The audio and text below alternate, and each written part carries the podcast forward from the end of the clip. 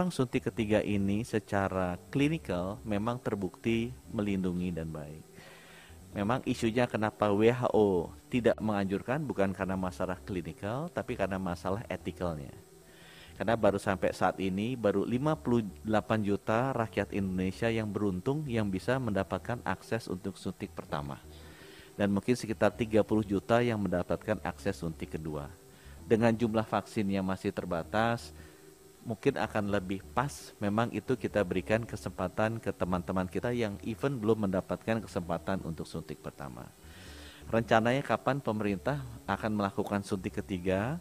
kalau kita semakin cepat kita harapkan mungkin di Januari sudah bisa selesai semua di awal tahun depan kita sudah mulai melakukan suntik ketiga diskusi juga dengan Bapak Presiden sudah diputuskan oleh beliau bahwa yang ke depan yang akan dibayari negara kemungkinan besar hanya PBI saja.